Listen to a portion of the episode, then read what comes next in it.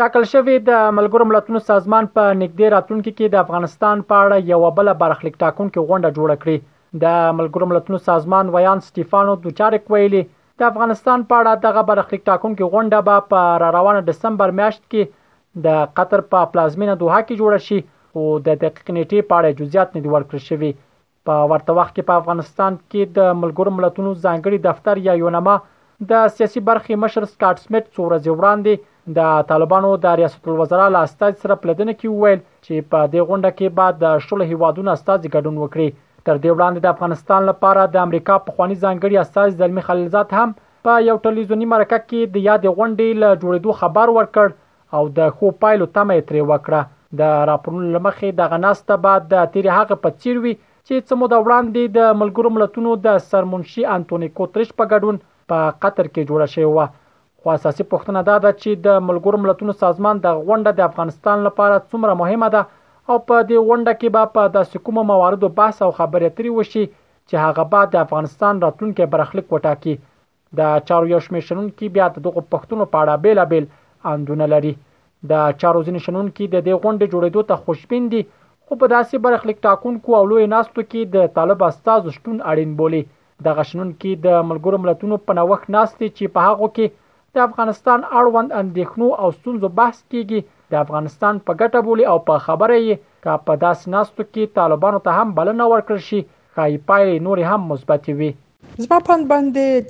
که چیرې به ملي ټولنه د افغانستان په ارتباط باندې هر نوع غونډه ونیسي بدون شک د افغانستان په ګټه به وي کغه د افغانستان د اوسنی حکومت د مشروعیت په خاطر باندې سي کوم لارې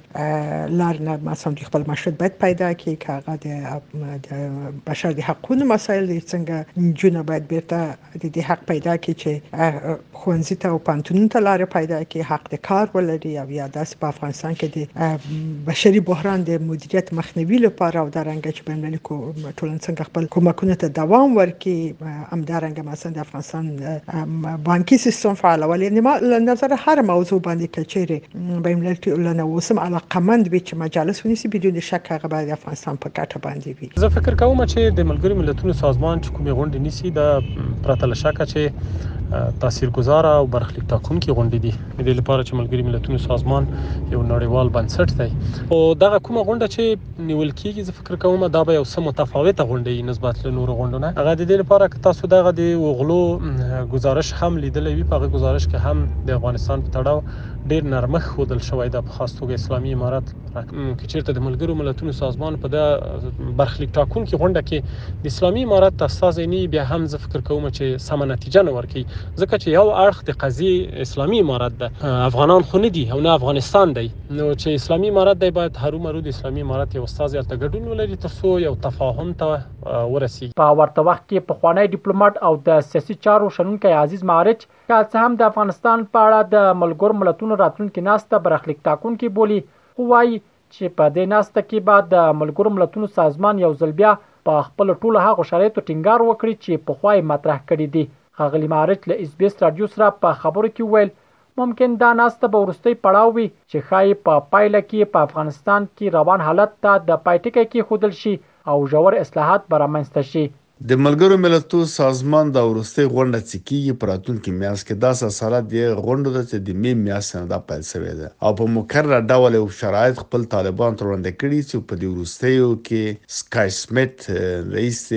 بخش سیاسي دیونما په افغانستان کې هم په صراحت سره د طالب چارواکو ته خپل شرایط وویل چې دلته باید موقته اداره به لرې شي، دلته به ټول شموله اداره به جوړه شي، د نجونو ښونځي و، د ښځو کار و، اساسي قانون باندې ډېر زیات تاکید وسو او ده دا مسایل تشریح او توضیح کړل چې بیا نړیوال وکړای شي چې دوی څه په طالبان په رسمیت وپېژني او نورو کسانو ته هم حق دې ورکړي او همداسې په لویه جرګه باندې هم بحث پر دې منصوبه وشي او مشروعیت ملي به ترلاسه کړي. نو بنان د ملګرو ملتو راتلونکې غونډه به په دې مسایلو باندې تاکید کوي، شرایط به طالبان ته وړاندې کوي، که چېرې ونه مني دا به هم ورته وايي چې دوی برخلیک به څنګه کېږي، ځکه دا راتلونکې غونډه د ملګرو ملتو برخلیک ټاکلې غونډه ده او دا به وروستی پړاو وي، نور به دې حالت ته به د یو پای ټکی ږدي او اصلاحات به خامخا راځي، خو طالبان به نه حذف کېږي او طالبان به دلته وي، له دوی سره به حکومت کې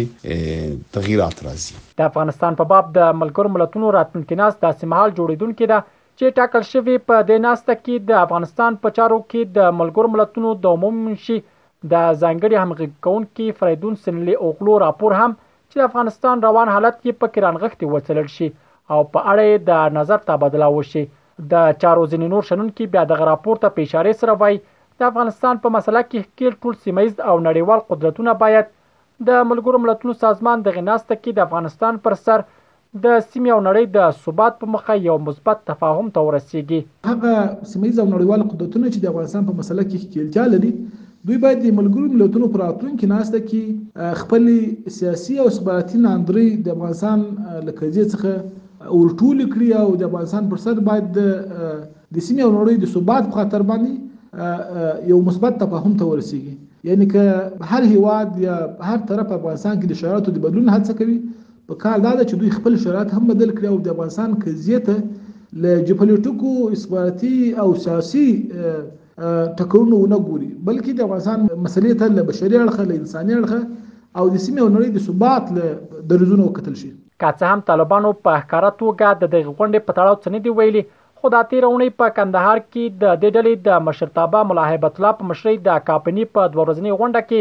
د طالبانو سیاسي کمیسیون ته دنده وسپارل شوه څو د بهرنۍ او کورنۍ پالیسۍ په اړه نوې تګلارې جوړې کړي. هڅه مو وکړه چي د افغانستان په تړاو د ملګروملتونو د راتلونکي ناستي په اړه د طالبانو نظر له ځانه سره ولرو خو د دې ډلي ویاند ذبیح الله مجاهد د اس بي اس راډیو د پوښتنو په ځواب کي د دې ناستي د جوړېدو په اړه څرګندونې مخکي له وخته وبللې او زیاته یې کړه چې په دې اړه به په خپل وخت کې نظر څرګند کړي. د یادونې ده چې د افغانستان په اړه د ملګرو ملتونو سازمان په مشرۍ دوحه کې تېره ناسته په مې میاشت کې د شلو هېوادونو استازو په شتون کې ترسره شوه چې په هغې کې د افغانستان پر روان وضعیت اندېښنه وښودل شوه او د بشري حقونو له ترهګرۍ سره د مبارزې او د نشه یي توکو د قاچاق د مخنیوي په برخه کې د نړیوالې ټولنې پر همغږې تګلارې ټینګار وشو رحیم الدین اوریا خیل اس بي اس رادیو افغانستان